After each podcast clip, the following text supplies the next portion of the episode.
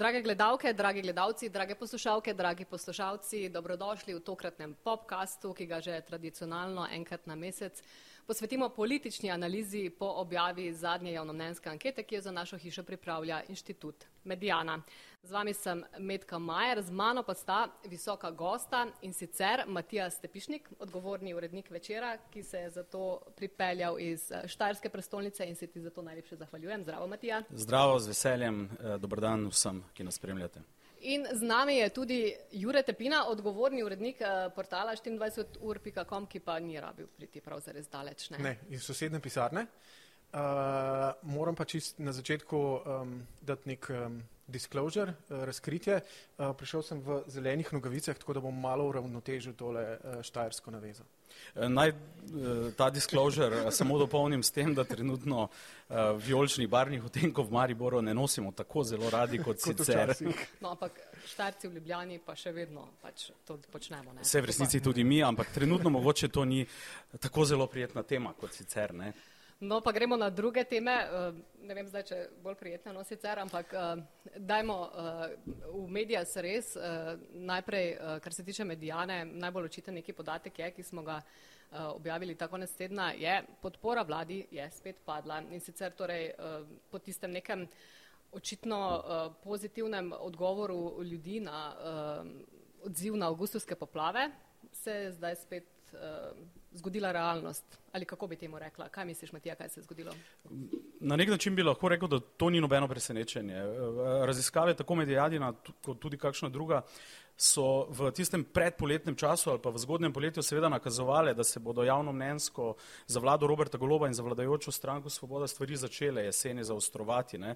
Potem je nekako prišlo sprva poletno mrtvilo, ki pa je seveda prineslo to naravno katastrofo uh, izjemnih razsežnosti, ki je na nek način, bom rekel, ta, trend ali pa ta val, ki se je nakazoval v javnem mnenju počasi, ali pa tudi občutek v javnosti, ali pa neka ocena tudi politične analitike, uh, ustavil. Ne? Vendar le se je Slovenija v tistem času zazrla v, bom rekel, kraje, ki so bili devastirani, v številna uničena življenja ali pa vsaj zelo prizadete uh, konce. Reakcija vlade, ne, tudi na nek način po oceni opozicije in pa velikega dela javnosti, vsaj na začetku, ko je šlo za uh, odpravljanje, reševanje življenj, odpravljanje prvih posledic poplave, je bila ustrezna, je bila hitra hitra, je bila na nek način tudi s prihodom Evropske komisije, ne, kjer so izkoristili tisti prvi trenutek, ne, ko je bilo vse skupaj še zelo napeto emocionalno, uh, je nekako nakazovala, da, da je vlada eh, prijela vajeti te krizne situacije v roke. Ampak seveda vsaka taka zgodba, vsaka taka kriza se na, na nek način izpoje ne, in to je zgodba, ki jo težko uh, dobiš. Zdaj vidimo, ne, realnost eh, si sama rekla, je prišla, ne, eh, prve pritožbe, pozivi županov, da je premalo mehanizacije, da ni denarja, ne, da je bilo težko pripravljati vloge. Skratka, sedaj smo spet po tisti, bom rekel, sočutni in solidarni fazi v polju real politike. In pa seveda vse te zgodbe, ki jih vidimo, ne, seveda posebno konkretni ljudi, ki pač ne vedo, kaj točno zdaj v tem trenutku narediti, ki še imajo vedno pač poplavljene hiše, ne vedo, uh, iti tja nazaj ali ne, kaj se bo gradilo na novo. Uh, Jure, kaj ti misliš, je torej to bilo pri, pričakovano? Sigurno. Uh, vsake krizne razmere prinesejo um, neko združi, združitev, združenje, neko solidarnost, kot je Matija rekel in tam je logično, da vsaka vojna, vsake krizne razmere prinesejo nek, nek narodno poenotenje. Um, ampak upam, da ti ne bom uničil koncepta uh, vsega tega podcasta. Mislim, da vse skupaj mi preveč analiziramo. Uh, na koncu dneva se um, te, te raziskave, uh, tako kot je rekel Matija, v, v rangu teh političnih analitikov so nam strašno pomembne. Gledamo vsake pol odstotne točke, kaj se je zgodilo, iz tega naredimo celo zgodbo. V resnici gre pa za nek umestni čas, za neko um, za neko stvar, ki pravzaprav ne napoveduje prav zelo veliko. Lahko pokaže trenutne razmere, ki so, seveda videli smo ta uh, vrh pri, pri poplavah, zdaj se pa v resnici, če delamo neko analizo, vse umirja, vse v, ne, v nekih um, točkah uh, statistične napake, če pogledamo samo um, statistično celotno, um, celotno obdobje vladanja vlade Goloba, lahko vidimo, da pravzaprav ta padec uh, v zadnjem letu niti ni tako zelo velik. Uh, moram celo uh, povedati, da če pogledamo tiste, ki nasprotujejo vladi v tem mesecu, jih je manj, kot jih je bilo v celem letu. Se pravi, tu gre za neko, jaz bi rekel, za naravno nihanje, kakšni bi to govorili o uh, sezonah, ne o, o, ne o, o letnih časih, ne o, o, o podnebnih spremembah. Uh, to je umestni rezultat. Uh, začeli smo z nogometom, leta 2000 je Slovenija vodila v Šarleroju na Evropskem prvenstvu v nogometu, tri proti nič v Jugoslaviji, vem, da ne, vem, ne, ne veš, Matija ve. In potres se ni zgodil, ampak potres je goli. Ne? Tako, na koncu je bilo izenačeno. In to je polčas in potem v resnici zelo težko napovedujemo kakršno koli prihodnost. Ja, ampak vendarle mora vlada, ne glede na to, ne, zdaj, a to analiziramo ali ne, mora pač pokazati rezultate. Na Absolutno. Tem, ne. Pač, eh, ne glede na rezultate. Ne samo ljudje na tistih območjih, ampak tudi vsi ostali pač gledamo ta odziv, ne, ali bo primeren ali ne. ne. In to se bo še vseeno poznalo zdaj, vsaj na dolgi rok, ne, ne mogoče ne na mesečni ravni. Ne. Sigurno, uh, absolutno. Uh, Hotel sem samo podariti, da dajemo prevelike podarke tem anketam in uh, odstotnim točkam, spremembam glede na, prejšnji, uh, na, na prejšnjo raziskavo, ker na koncu je v politiki en teden, 14 dni, en mesec ogromno časa. Ne, do naslednjih volitev Uh, imamo pa še kar veliko časa in zagotovo se ne bomo pogovarjali o, o nobenih uh, predčasnih volitvah, glede na zadnje rezultate v državnem zboru. Eh, s, s to tezo se v bistvu strinjam. Ne? V politiki se stvari, zdaj smo se že navadili, res spreminjajo izjemno hitro, ampak velja vseeno upozoriti na še en kontekst, bom rekel. Ne? Na neki točki avgusta, ne, v začetku septembra so bile oči celotne Slovenije uperjene v to temo. Nekako gledali smo, kako lahko pomagamo, kakšna bo ta prva popoplavna realnost, kako bo reagirala Evropska unija, država, kaj se bo dogajalo. Ne? Zdaj smo pa prišli v bistvu uh, že v nek čas, ko se bodo ljudje na drugih koncih Slovenije, ki niso bili soočeni neposredno v svojih življenjih s temi poplavami, začeli ponovno spraševati temeljna vprašanja. Je vlada izpolnila moja pričakovanja, živim boljše, je v zdravstvu prišlo do kakšnega napredka, eh, kaj je z inflacijo, ne? kakšno je stanje v moji denarnici. Tako da to je zdaj ta jesen in te dileme, eh, ki se bodo začele zaostrovati, vidimo. Na, mizo, na mizi so seveda pogajanja z javnim sektorjem, še vedno ni zdravstvenega ministra, vmes so že bile celo neke ideje, ne, da reforma gre naprej, tudi če ni zdravstvenega ministra. Skratka, bom rekel neko zamegljevanje stanja, ki na nek način je lahko trajalo samo nekaj časa. Ne, zdaj bo treba na mizo dati uh, rešitve, nova imena. V nasprotnem primeru bo globova vlada še enkrat soočena z še eno predstavitvijo neštete od časovnic, ki smo jih imeli. Jaz, jaz bi rekel, da gre za neko zatišje pred jesenskim in zimskim viharjem, ker nas čaka v resnici zelo, zelo. Um, težko obdobje ali pa negotovo obdobje, lahko vsaj rečemo, ne težko. Uh, ne vemo, kaj se bo dogajalo z Nemčijo, posledično ne vemo, kaj se bo dogajalo s Slovenijo. Obeti so lahko pozitivni ali pa negativni, trenutno še tega ne moremo soditi, zagotovo prihaja uh, sezona ogrevanja, se pravi, stroški življenja bodo višji. Takoj se bo to poznalo na vseh teh uh, anketah, seveda zdravstveni minister in to vlado čaka ne na zadnje tudi boj proti uh, migracijam. To bo ena od velikih tem, s katerimi se bodo um, v vladi uh, Goloba spopadali v prihodnem obdobju. Naslednjih nekaj mesecev bo ključnih, v resnici ne, ker so volitve še daleč, ampak videli bomo to nihanje in jaz pravzaprav pričakujem, da bo ta nihaj navzdol še nekoliko večji.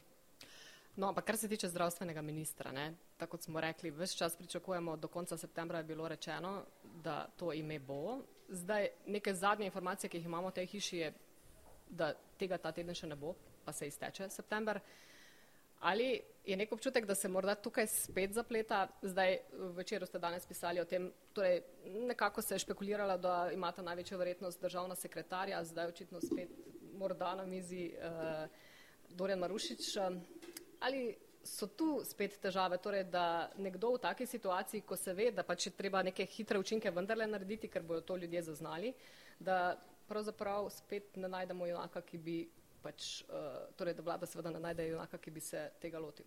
Vse to, kar naštevaš, kaže seveda, da obstaja neka resna zagata o tem, kdo bo zasedel ta položaj. Ob tem pa je treba zelo jasno povedati, da v Sloveniji ljudi, ki bi ta hip dvignili roko za to, da bi zasedli seveda najbolj vroč stolček v vladi, poleg seveda tudi recimo stolčka finančnega ministra, uh, ki se je dodatno ogrel seveda z poplavno katastrofo, ne, uh, ni, ni kadrov, ki bi se pulili za to. Daleč od tega, verjetno je deficit uh, na nek način kadrovske izbire pri golobu zelo očiten in seveda se kaže v tem, da se rešitve nekako ne da na mizo oziroma da se jo Eh, seveda predstavlja.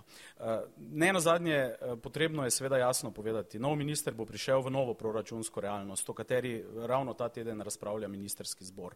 Minus 4 procente porabe po posameznih resorjih in ne na zadnje prišel bo seveda na neke nastavke reforme ali pa ne reforme, kot jo je zastavila prejšnja ekipa, ki je bila seveda na koncu močno kritizirana ali pa v javnem mnenju nekako ocenjena kot neučinkovito, če tudi je minister Bešič Loredan kar nekaj časa na lestvicah odlično prosperiral, ne na zadnji. Jaz, jaz se s tabo strinjam do neke mere. Uh, v Sloveniji vemo, da je kar nekaj ljudi dvignilo roko za to, uh, pa oba veva, da premije se izogiba tistih, ki dvignejo roko in se bi radi ja, javili za neko delovno mesto uh, v njegovi ekipi. Uh, predvsem pa mislim, da to ni samo težava um, golobovega kadrovskega bazena, ampak enostavno Slovenije. Nas najbolj toče Gausova krivulja. Ne? Mi rabimo deset odstotkov genialnih kadrov za policiste, vojake, novinarje, kirurge ministre. in politike in ministre. In pri dveh milijonih je ta kritična masa toliko manjša, kot če pogledamo vse ostale resnejše ali pa večje države v ZDA na 300 milijonov, 10 odstotkov, vendarle malo večji kadrovski bazen. In to je tisto, kar nas tepe, ob vsem tem se pa zelo radi delimo na leve in desne, ne na sposobne ali nesposobne. Uh, morda še to, kar si omenil, pač proračunsko sejo, ki je bila včeraj, pa v četrtek menda bo, bo sta proračuna ja. potrjena. Zdaj, zre, ravno zaradi teh rezov, ne, se je nekako prijelo že um, pač eh, tega samega procesa ZUIF-2. Um, zdaj, kolikor imamo mi informacije spet, da se nekako trudi v smeri, da se ne bi dotikalo kakršnikoli socialnih transferjev, ampak ali bo to povsem mogoče, še ni zdaj v tem trenutku jasno. Um, Kakšne so tu pasti? Zaradi tega, kot vemo, lani so še veljali tudi tisti pač energetski um, neki dodatki in tako. Ne? Zdaj letos pa pač spet ta zima lahko prinese oziroma in tudi naslednje leto lahko prinese neke dodatne uh, obremenitve ljudi. Ne? Ja, tukaj je posledica tega našega iskanja novih obrazov in uh, učenja ob uh, tem, da si uh, že na neki funkciji. Ne? Uh, learning on the job, pravijo američani temu. Uh, to je težava, ker uh, golop je padel že v nekaj pasti, ki si jih je popolnoma sam uh, pripravil. Najprej je bilo te škode 500 milijonov, potem uh, 7 milijard in v resnici potem, ko je nekaj dve milijardi nekaj bilo prijavljenih v tej aplikaciji AIDA, v resnici še zmeraj ne vemo, koliko denarja mi potrebujemo za obnovo in kaj bo ta obnova vse obsegala. Ali to pomeni tudi priprava na, na, na vse uh, bodoče naravne katastrofe, potem bo ta številka zelo visoka. In mislim, da tu vlada dela napako, ker še vedno ne operiramo z nekim realnim načrtom, koliko denarja sploh potrebujemo, ker potem se lahko šele sprašujemo, In tu so odprti uh, za vse napade z desnice, da je najprej potrebno postrgati tam, kjer uh, država lahko postrga. In tu je upravičena kritika opozicije na vlado uh, Goloba. In v resnici tu spet gledamo v kristalno kroglo, kaj bo z UIF-om, kaj bo s to številko, koliko denarja sploh potrebujemo. Včeraj je bilo pestro na vladi.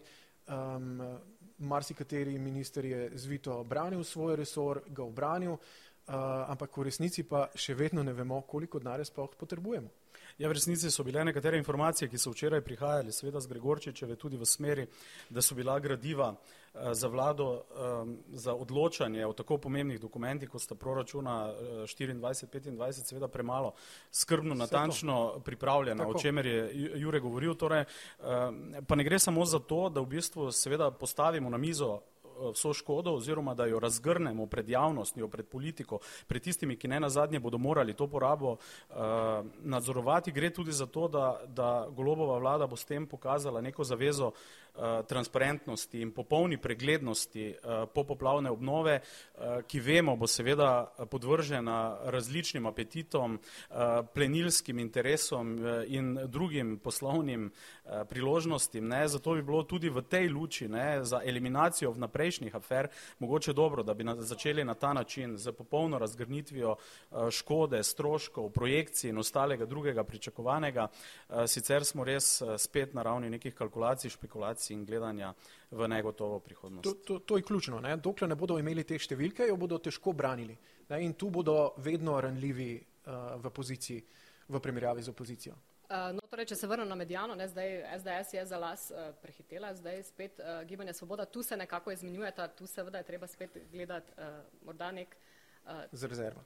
Trend, oziroma pač neke morda do, trend je treba gledati. Ja. Dolgoročnejše zadeve, ne? ampak a je torej uh, SDS po tisti uvodni enotnosti izbrala pravi trenutek, takrat, ko je rekla, torej ne bomo pa podprli pač torej najprej davščin za ljudi, mislim, davščin za ljudi, torej tistega prispevka. Uh, ravno zato, ker pač ne vemo še, ali smo uporabili vse druge vire. Ali je to SDS izkoristila Eh, na pravi način. Zdaj mislim, da smo novinari, ki spremljamo politiko, seveda tisto solidarnost in enotnost v blatu dobro ocenili kot neko, neki prehodni pojav, ne, kot nekaj, kar ne bo trajalo posebej dolgo in bo nekega bolj krhkega značaja. Predvsem, kar se tiče SDS-a, velja po moje ugotoviti, da je po tistem volilnem, hudem volilnem porazu in na nek način šoku, eh, seveda Janša na desnici ponovno popolni gospodar igre eh, v celoti, predvsem je v zelo močni kampanji že celo poletje poletje, ne glede na poplave, eh, tako spletni kot seveda terenski kampanji, eh, to so različni tabori, door to door, eh, seveda na nek način držanje svoje volilne baze v napetosti. Ta konec tedna so bili v Dupleku na nekem velikem srečanju o družinski politiki in tako naprej. Skratka, vidimo, da SDS dela, trdno dela in na, na drugi strani seveda je Janša seveda nekako pravilno ocenil, da bi bil takojšnji napad na vlado po poplavah lahko kontraproduktiven in si je seveda pustil nek tek za kasneje, eh, če bo potreben, seveda, eh, da bo rekel, če bo prišlo v tej popoplavni sanaciji do nekih večjih odklonov, afera, anomalij in česar koli, da bo rekel, pogledajte, mi vam v takšni krizi nismo kolesarili, ne, eh, pa ste stvar zamočili ali kakorkoli. Tako da trenutno moram reči, da je SDS na visokih obratih in v visoki formi. Jure pa je prej omenil še eno zelo pomembno stvar, kar se tiče seveda največje zdaj opozicijske stranke, trikrat že vladajoče, to so migracije. Ne. Vidi se, da so se zelo intenzivno priključili na to temo in to bo zagotovo tema, ki bo nekako ukvirila predvsem kampanjo pred evropskimi volitvami. Tu se morda vidi, ne, da ni tega learning on the job, ampak da je to že nekaj. Ne. Ja, nikakor tega. Ampak jaz bi na eno stvar upozoril tukaj. Uh, ne začnem tako. Uh, SDS je najbolj organizirana in najbolj resna stranka, ki jo Slovenija ima. Uh, z največjo tradicijo in uspehi, ampak to ne pove cele zgodbe. Če naredimo analizo trendov v letošnjem letu oziroma v tem mandatu, uh, je v bistvu ta rezultatov pa vso to trdo delo ne pokaže, uh, vsaj glede na medijano. Um, raziskava namreč pravi, da so glede na poprečje tega mandata samo za nič cela tri odstotne točke nad poprečjem. Medtem ko je na drugi strani pa gibanje uh, Svoboda um, za 8,2 odstotne točke padlo. Ne? Tako da ta raziskava ne pove ali pa delo SDS-a ne pove toliko o, o, o samem razmerju moči uh, ali pa o stanju stranke SDS, ker oni so naj, največja konstanta, ki jo imamo v državi ne, imajo svojo bazo, uh, nimajo izletov ven iz te baze. Uh, največja stranka, ki se je pa trenutno pokazala, ki je pa večja od katerekoli, od SDS-a, Gibanja Svobode in ostalih uh, manjših, pa, so pa neopredeljeni.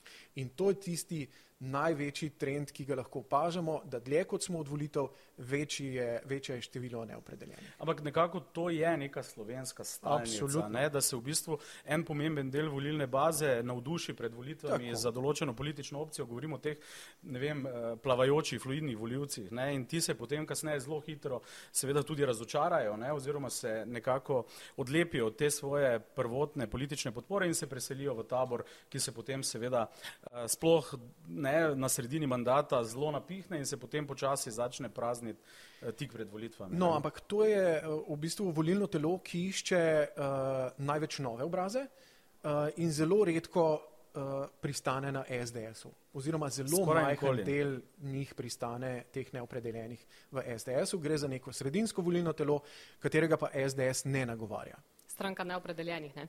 Uh, Gibanje svobode jih pa izgublja. Tako. Uh, kar, si, kar si omenil migracije. No, tu je še ena zelo um, kočljiva tema pravzaprav ne, za uh, to koalicijo in tudi za gibanje Svoboda. S to ograjo, ali se tu uh, notranje ministrstvo nekako zapleta, ali se bo to tudi odpletlo, ali je pač to neka smiselna strategija, potem ko so recimo občani ob meji nekako pač seveda prosili, da se tista ograja zdaj zaenkrat uh, ne umakne. Tu so neka dvojna sporočila, ne? torej hkrati pač ograja ne pomaga, po drugi strani bomo pa poskrbeli, da bo zdaj pač to tisti. Uh, dvojna sporočila sta ja. zaradi tega, ker uh, je tudi dvojna publika ki jo Ministrstvo za notranje zadeve naslavlja. Po eni strani imaš uh, Rigonce in uh, območja, ki so najbolj pod udarom migracij. Uh, gre za precej veliko uh, volilno bazo SDS-a. In uh, tam seveda bi ograje in vojsko imeli v nedogled. Po drugi strani je pa jasna koalicijska zaveza, da se ograja uh, odstranja. In ograja, po mojih informacijah, se bo odstranila slej kot prej. To je pa tista ključna zadeva. Ne? Uh, ministrstvo, po mojih informacijah, uh, ograjo odstranjuje postopoma in Rigonci naj bi prišli priš, naj bi ta vas prišla na vrsto, ko bo prišla na vrsto. Seveda pa vsi upajo, da takrat tega vala ne bo, ker v tem primeru je pa minister za notranje zadeve v precejšnji zagati. Uh, mislim, da ta val trenutno ima velik potencial, smo pa daleč od tega, da uh, bi policija uh, morala tu kakorkoli krizno klicati vojsko na pomoč. Um, vsi ti poskusi ustanavljanja vaških straž so ena velika politična uh, akcija SDS-a, uh, ki mislim, da ne bo pridobila nekih večjih simpatij teh sredinskih voljivcev, uh, ker te sredinski voljivci razen v Ljubljani na kolodvorju ali pa po kakšnih avtobusnih uh, poteh ne vidijo tega vala. Uh, sami prebivalci na meji pa so zadovoljni z delom policije. Zdaj, jaz bi se samo navezal in moram reči, da se strinjam s to notranje politično ali pa strankarsko kontekstualizacijo celotne zgodbe, bi pa vendar le dodal in malo razširil še mogoče celotno okvir. Ne. Gre za zgodbo, vaš novi sodelavec iz Bruslja je pred, pred dnevi pisal o tem, uh, Peter Žerjavič, ne, da v bistvu zdaj govorimo že o desetletju nezmožnosti Evropske unije, da postavi nek eh, azilno-migracijski okvir, eh, zakonodajni okvir, ki bi ta problem dejansko poskušal bolje reševati, da ne govorim o nepriljubljeni besedi naslavljati zdaj že, ne. ampak vseeno, ne, v vladi Roberta Goloba vidimo seveda mogoče neskladje v nekih sporočilih med notranjim ministrstvom uh, in vrhom vlade ali pa nekaterimi koalicijskimi strankami. Predvsem pa mislim, da bi bila največja politično tveganje za to vlado, največja potencijalna napaka, da bi ta problem tak hip pocenjevali. Um, tudi ko govoriš z ljudmi, ki so daleč od tega, da bi zauzemali ksenofobna, rasistična ali kakršna koli stališča, lahko slišiš nek strah in zaskrbljenost, kaj se bo v zvezi s tem dogajalo, zato se je pač ta problem treba dati eh, seveda na politično mizo in o njem razpravljati z razumom eh, in pa seveda z argumenti. Eh, vse te, bom rekel, akcije, ki se zadevajo, ne, tako rekoč neko mitingaško organiziranje, pa so seveda v funkciji instrumentalizacije tega vprašanja za, bom rekel, potrebe dnevne politike. Kot jaz vem, vlada definitivno ne podcenjuje tega problema, mislim pa, da so v zagati, kako se ga lotiti, ker ne nazadnje drži njihova teza, da gre za vseevropski problem in bo to ena izmed uh, glavnih tem na evropskih volitvah oziroma na uh, kampanji pred evropskimi volitvami in tu bo SDS zagotovo zajadrala na tej temi. Um, ja, Evropa je popolnoma, um, popolnoma uh, nesposobna uh, se s tem ukvarjati. Pogovarjal sem se z enim od ameriških diplomatov pred dnevi in je rekel, da tudi oni vidijo to za Evropo kot eno od največjih uh, groženj, uh, celo v istem rangu kot Rusijo je omenjal. Uh, moram pa povedati to, da v resnici je imela, delo je imelo eno izjemno raziskavo, kjer je spraševalo ljudi o tem, koliko so migracije priložnost in koliko so nevarnost. In tu se je zelo dobro uh, pokupčkalo po, po strankarski pripadnosti. Uh, jasno, desnica to vidi kot največjo, največjo grožnjo, na drugi strani levica uh, SD tu kot priložnost. Jasno pa je, da bomo tu, če bomo želeli imeti vzdržno gospodarsko rast, uh, glede na našo nataliteto in naše gospodarske uh, kazalce, ne bomo mogli brez uvožene delovne sile. Kako močna tema in v bistvu kakšen potencial ta tema ima za populiste in bom rekel politike skrajne desnice ali pa bom rekel tudi politične konvertite kažejo v bistvu eh, predvolilne razmere na Slovaškem. Ne. Eh, v soboto so na Slovaškem volitve na, na bom rekel neki proruski in pa protimigranski agendi se vrača očitno na, na prvi peron, tako rekoč že politično mrtev nekdani premije Robert Fico, ki so ga seveda odnesli veliki protesti po umoru novinarja Jana Kucijaka, ampak sedaj se je v bistvu zajahal ta, bom rekel, um, ta okvir, o katerem smo govorili danes in zelo verjetna je tako rekoč njegova vrnitev uh, na, na čelo uh, slovaške vlade, ki bi pomenilo seveda tudi radikalen premik države uh, v neko suverenistično in liberalno pro-orbanovsko politično smer. No, čeprav tu bi jaz upozoril, da imamo pa primer Italije, kjer je pa Giorgia Meloni, ko je prišla na oblast, uh, posem obrnila to ploščo, uh, vsaj takoj uh, očitajo njeni nekdani podporniki. Um, in um, to je neka tema, ki je za opozicijo zmeraj hvaležna. Ko si pa ti na vladi in se moraš s temi problemi realno ukvarjati, je pa potem to druga zgodba. Tudi v slovenskem primeru gledamo kakšno takšno podobno ja. zgodbo. Kaj ne da? Pojdimo še malo do uh, treh strank, ki jih nismo omenjali, pa so mhm. parlamentarne, uh -huh. torej SD, Levica in pa Nova Slovenija. Nenehno se izmenjujejo tukaj nekje na repu. Zdaj celo uprit Levice, kar je morda zanimivo, ker najbrž tudi sama stranka ni točno vedela, kaj se bo po desetih letih zgodilo, ko bodo zamenjali vodstvo. Um, ali lahko katera koli od teh strank še najde nek odgovor na to, da pač prebije ta parlamentarni prak v neki resnejši meri? trenutno je Slovenija uh, dvostrankarska država.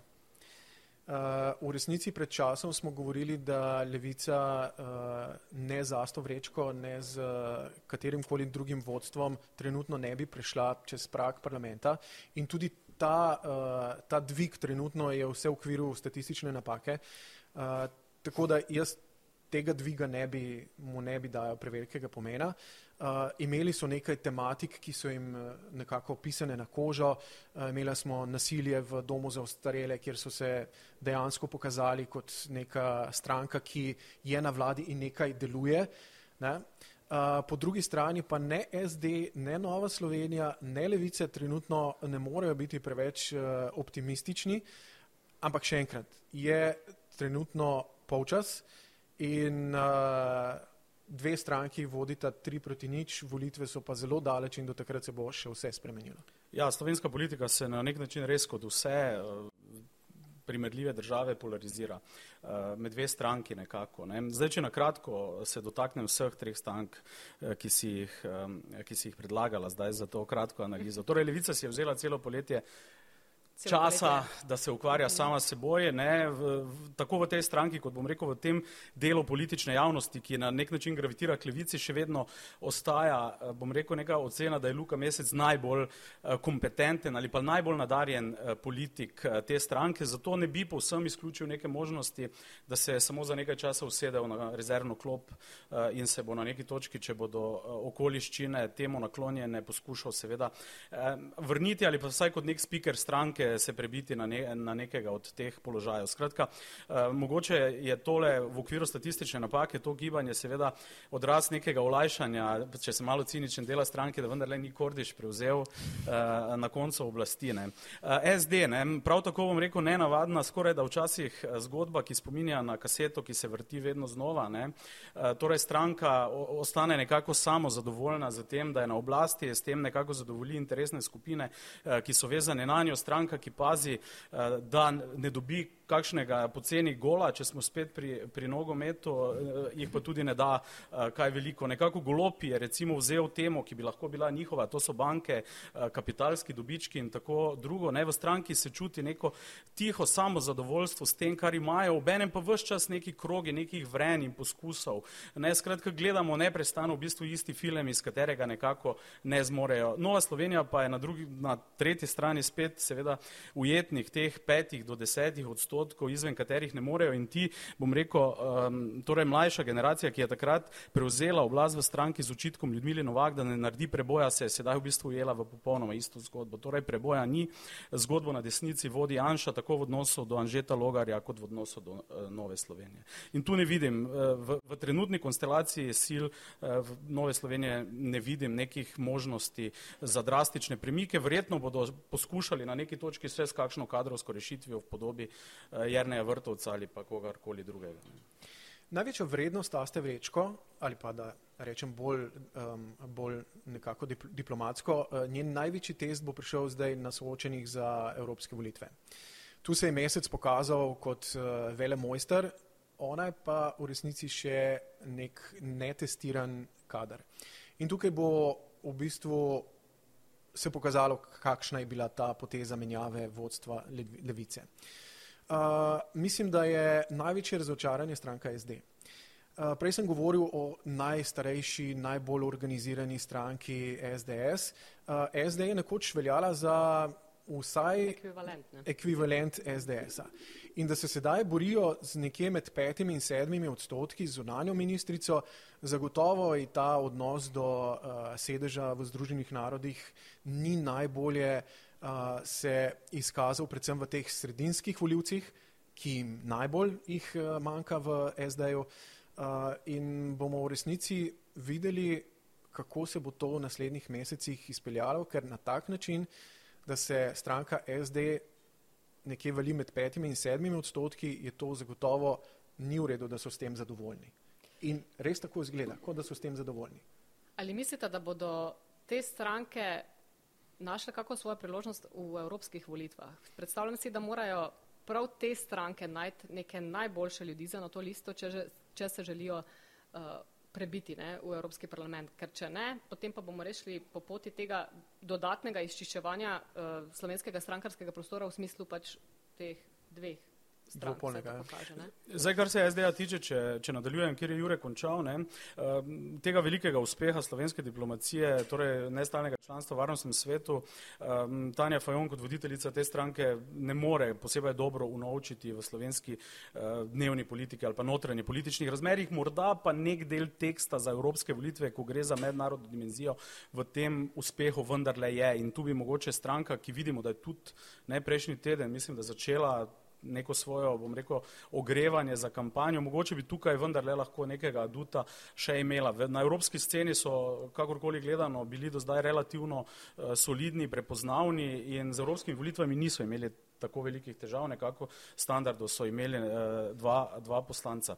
Zdaj, kar, kar vidim v tem času, je seveda, da je na nek način po 15 letih, odkar smo eh, seveda v Evropskem parlamentu dozorelo v slovenski politiki spoznanje, ne, da je to v bistvu odlična služba ne, z zelo dobro pokojnino, zato vidim, da je zdaj zanimanje tudi to zadevno v smislu iskanja neke, bom rekel, siceršnje in pa politične eksistence postalo bolj prestižno vprašanje, kot je bilo mogoče na začetku, ko ni noben posebej dobro razumel, bom rekel, tega konteksta, ki pa ga seveda v starih demokracijah zelo dobro razumejo ne, in so veliko krat eh, evropske volitve bile zato, da so neki kadri pred koncem karijere ali kakorkoli, uh, seveda uh, še na nek način si pripnejo še to titolo na svoje uh, prsi.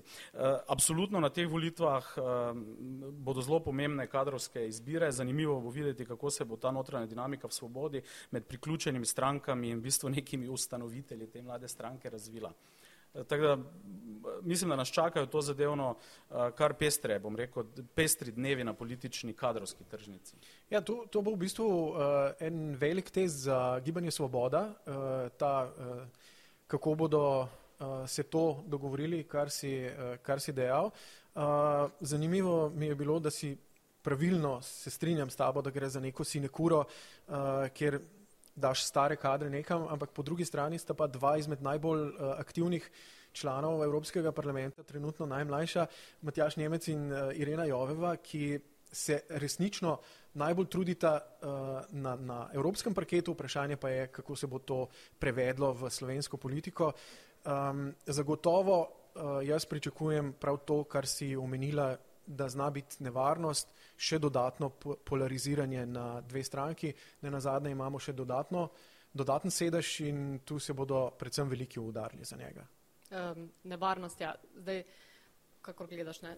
takrat, ko smo imeli devet strank v parlamentu, je bilo tisto strašno nekako naporno. naporno tudi za nas novinarje, ko vemo, da smo morali klicati devet strank nekako za odziv, pa še tam nisi vedel, a znotraj poslanskih skupin mislijo enako. Uh, bi bila to res uh, neka nevarnost ali pa pač gre v. Ne, uh, nevarnost je predvsem, da imaš dvo, dvostrankarski sistem. Ja, ja, seveda. To je največja nevarnost. Razumem. Rečemo še kakšno o Anžetu Logarju. Zdaj v tem le studiu pri nas uh, s kolego Bončo govorila o hiperventiliranju nad tem, kaj se bo z njim zgodilo oziroma kaj bo naredil. Uh, kar se tiče lestvice priljubljenosti, je še vedno tam nekje na drugem mestu. Ne. Zdaj v poplavah ga v resnici nismo videli veliko, zdaj spet, ko, se, ko je eh, nekaj povedal, v resnici ni povedal pravzaprav nič novega. Kaj je zdaj s tem fenomenom? Zdaj, Anžel Logar je ustvaril na predsedniških volitvah, ne glede na to, da je izgubil obstaja neko splošno strinjanje, nek določen politični kapital ali pa preboj eh, na desni sredini, ki bi lahko pokazal mogoče nek, eh, bom rekel, model, kako bi eh, ta del političnega prostora lahko vendarle samostojno sestavil na neki točki vlado. Ampak bi opozoril vedno znova na to, da ne ti odstotki, ne ti glasovi ne morejo biti avtomatično prevedeni v neke parlamentarne okvire, v okvire neke popolnoma druge politične tekme. In moja teza ostaja, danes sem jo že na nek način uh, večkrat poantiral, da s političnim kapitalom Anžeta Logarja razpolaga Janez Janša. Uh, in uh, ne nazadnje, uh, bom rekel, tudi to odlaganje kakršnih koli odločitev uh, Eh, mislim, da kaže na to, da nikoli ne bo ta odločitev sprejeta uh, brez soglasja, bom rekel, vrhuške na Trstenjakovi. Ob tem velja seveda upozoriti, da v tej kohabitaciji na nek način med to platformo in SDS-om do zdaj je bilo seveda neko premirje, ne, oziroma ta projekt Anžeta Logarja, ki se niti ni prav izoblikoval, razen kadrovsko, do zdaj vsebinsko praktično ne, ni bilo nekih puščic strani SDS-a, edini, ki je v bistvu mogoče vrgo malo Pikado eh, je bil Kangler z eno izjavo o tem eh, iz enega njihovega srečanja, da so tukaj sami člani elite in nobenega malega človeka. To je bil mogoče, bom rekel, drobno upozorilni signal, da ne bi prišlo do kakršnih koli solo akcij. Uh, jaz mislim, da je kapital, ki si ga je Anže Logar nabral na predsedniških volitvah, precenjen. Uh, strinjam se, da je, ampak samo v okviru, in tukaj se strinjam s tabo, samo, da se to ne more translirati v državno-zborske volitve, ker uh, volitve za predsednika države, vsaj glede na naše izkušnje z Borutom Pahorjem, so v resnici uh, volitve za tistega, ki bo povedal čim manj. In v slovenskem prostoru v, imamo, in to je verjetno ne samo naša značilnost, ampak zagotovo je značilnost, da manj kot poveš, bolj si priljubljen. In manj kot imaš stališč, bolj si priljubljen. In čim imaš kakršno koli stališče, in to je seveda tudi usoda uh, Roberta Goloba, čim je zauzel stališče do ene stvari, do druge stvari, do tretje stvari, je uh, post, za, začela erozija te, tega zaupanja. In uh, ukolikor bi moral logar, ne glede ali pod, gre za patronat Jana Zajanše ali same platforme, uh, samostojne platforme ali kakorkoli, čim bi se opredeljeval, uh, se ta kapital iz uh, predsedniških volitev popolnoma izniči. No, ampak na vrhu lestvice pa je uh, Nataša Pirc-Musar. In ko se je zdelo morda na začetku mandata, da nekako še išče tisto pravo pot, ki bo zdaj tista najpomembnejša nekako razlika z prejšnjim predsednikom, do česar je bila tudi sama kritična. Uh, se zdi, da je mogoče zdaj našla to neko svojo, uh, svoj način, svojo pot, da bi se strinjala s tem. Je, uh, izpolnjuje pričakovanja tistih voljivcev, ki so torej od nje ravno to pričakovali, torej da bo znala se postaviti uh, za neke stvari tako, kot ona dejansko misli, ne pa da bo poskušala v vseh primerih vse uravnoteževati za vse. Jaz mislim, da je predsednica uh, izjemno taktična, uh, izjemno uh, predkana in zelo dobro zna oceniti uh, svojo publiko. Uh, ob vsem tem, vsej tej taktičnosti, uh, kolikor jo jaz poznam, je ostala zvesta sami sebi. Našla je eno dobro mero kritike in dobro mero zadržanosti, kar smo pravzaprav pogrešali v prejšnjih deset let. Uh, še vedno je pa funkcija predsednika uh, republike takšna, da se ti lahko da ti izbiraš teme po svojem, uh, po svojem um, navdihu, po tistem, kar presodiš, da ti lahko škodi ali ne, uh, in se ne dotikaš tistih tem, ki uh, veš, da ti bodo škodile. Uh, tako da se mi zdi, da tu zelo dobro krmari. Še enkrat, funkcija predsednika republike nočem iti tako daleč, da rečem, da je protokolarna, ker, ker ni, uh, ampak vsaj novinari jo tako gledamo, ljudje jo tako gledamo uh, ali pa gledajo. Uh, in za me predsednik republike še vedno spada v tisto kategorijo uh, politikov, ki se ne opredeljujejo in se ne rabijo opredeliti. In zaradi tega imajo tako zelo visoke rejtinge podpore.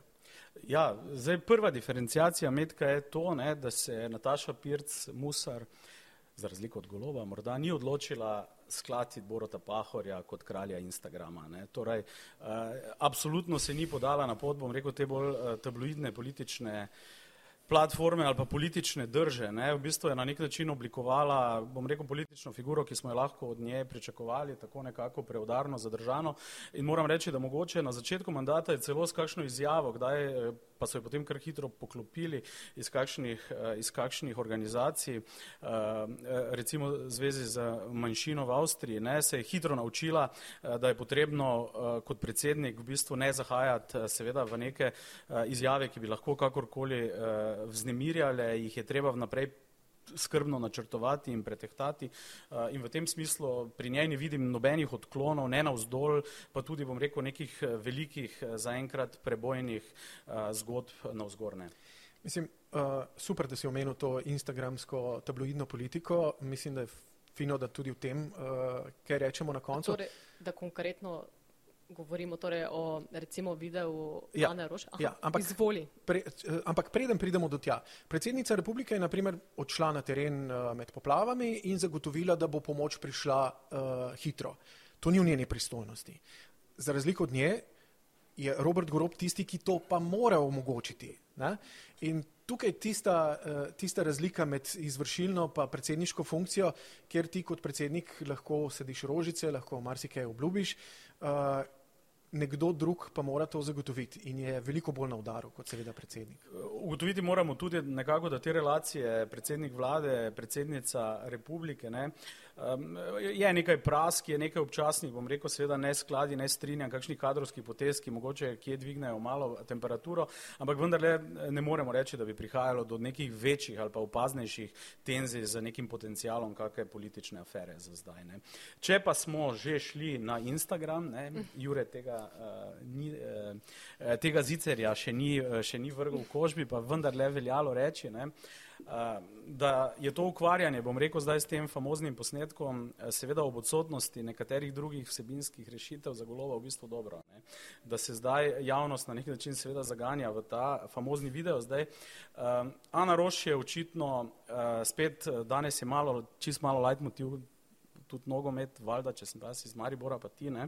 Uh, torej, Ana Roš je na nek način Harry Kane, ne, ker v bistvu posnetek uh, po katerem so očitno navdih dobili uh, slovenski uh, svetovalci uh, premijeja, je nastal seveda marca letošnjega leta, ko je um, britanski premije čestital Harryju Kaneu na zelo podoben način, zato da je postal najboljši strelec angleške reprezentance v zgodovini, ne, eh, gre za isto, v bistvu neko konverzacijo. Eh, vemo pa, da je to pač, eh, bom rekel, na eni strani legitimen, na drugi strani pa je lahko tudi zelo plitek prijem političnega marketinga z endorsementom, nekako, da politika upa, da bo uh, del zvezdnega prahu z teh žarometov, ki sijajo na neke zvezde, fuzbalerje, uh, kuharje in vse ostale, seveda padev tudi na politiko. Gre pa seveda, bom rekel, za predvsem vprašanje tega, ali je Robert Golop razumel kontekst in pa čas, v katerem se je on odločil za takšno potezo in nisem prepričan, eh, da je to posebej uh, dobro razumel in izvedel. In na koncu je v bistvu uh, res izvenela kot neka samopromocijska akcija, ki ni doživela nobenega aplauza, skoraj da. Čeprav ne vem pa, kako je za TikTok generacijo, ali je mogoče tam vendarle doživel večje ovacije. Zanimivo na ključe je, da je uh, ekipa, uh, ki za to skrbi, bila pred dnevi tudi na obisku v Downing Streetu 10 uh, in se pogovarjala z britansko komunikacijsko ekipo. Uh, in uh, njihove namere so zelo, zelo jasne. In seveda je tak trend uh, ne samo v politiki, kjerkoli prisotnost na družbenih omrežjih je uh, neizogibna. uh, vemo pa, kak, s čim so poslani dobri nameni. Um, izvedba tega videa je bila iz profesionalnega, iz obrtnega vidika zares, zares slaba. Uh, TikTok generacija bi temu rekla cringe. Malo smo tako zaškilili, ko smo, ko smo gledali ta uh, posnetek. Ne? In uh, je bila uh, brez potrebe pravzaprav odprta za uh, nove, nove udarce. Ampak po drugi strani, če pogledamo primer Boruta Pahorja, je tega cringe bilo še veliko, veliko več in je to na nekem delu populacije izredno delovalo. Ampak je pa vendarle Borod Pahor mogoče vse čas samo dajal ta vtis, da v tem čisto zares uživa. Ne?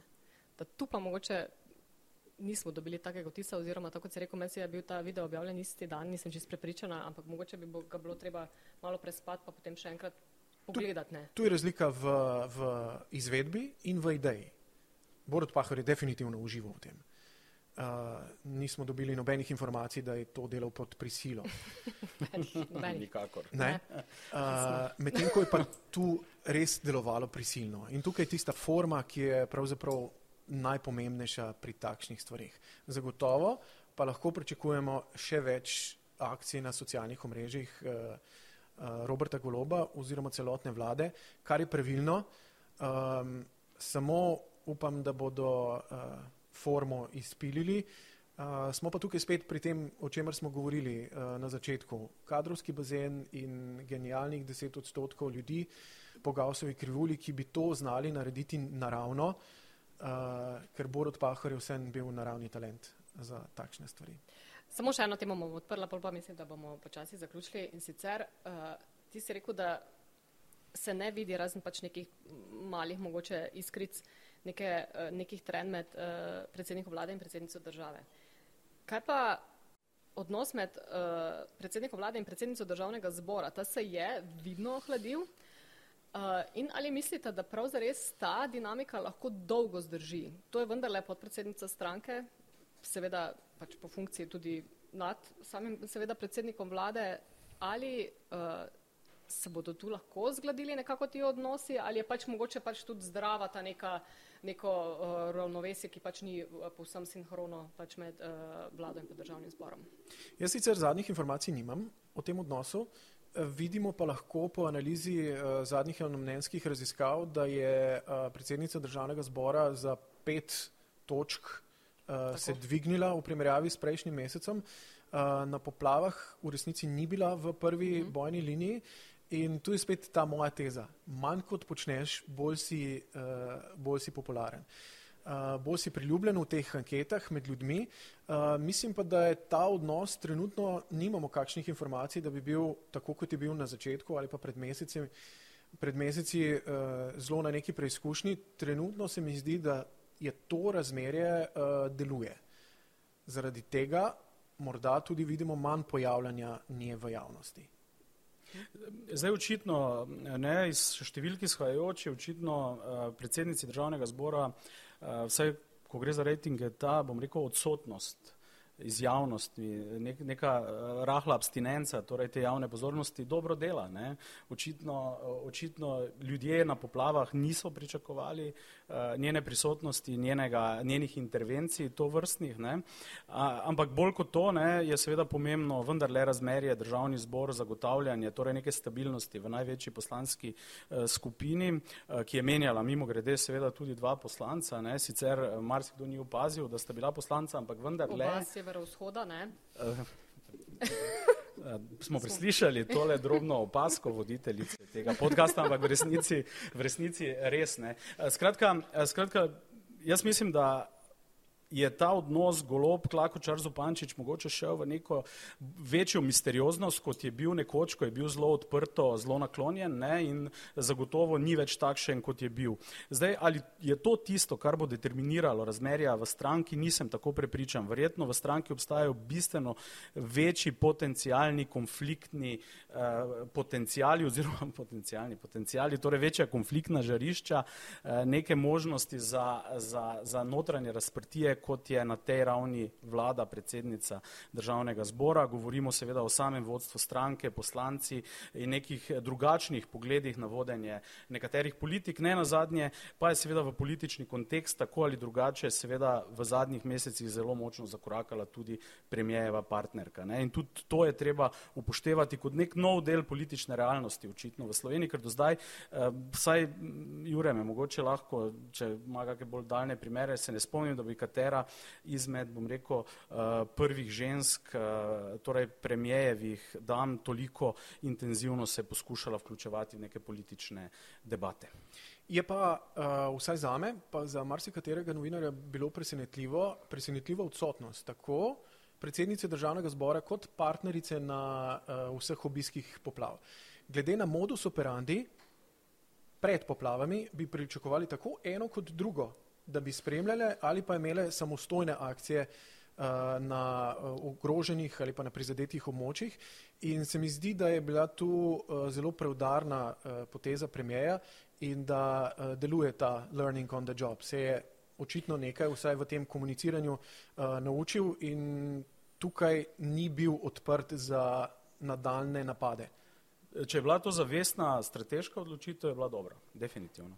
Tudi predsednica državnega zbora za nazadnje, ko se je oglasila, je nekako, kar se tiče um, Samuela Žbogarja kot uh, vodja misije varnostnega sveta, se je tudi nekako oglasila, torej, da se ne zdi povsem prav, da se torej, vlada odloča brez državnega zbora, ampak hkrati torej, pa pohvalila samo izbiro kot Žbogarja kot izjemnega diplomata. Zdi se, da je nekako, torej, da ni. Omilila vse skupaj. Tak, mislim, da je nekako. Uravnotežila celo zgodbo. Ja, ne? ja nekako spravljivo nastopla, ja. ni naredila večje zgodbe iz tega, kot bi jo recimo, da lahko, če bi se odločila, da pač bi pa moral državni zbor pač imeti pri tem besedo ali pa če bi bilo to neko njene stališče.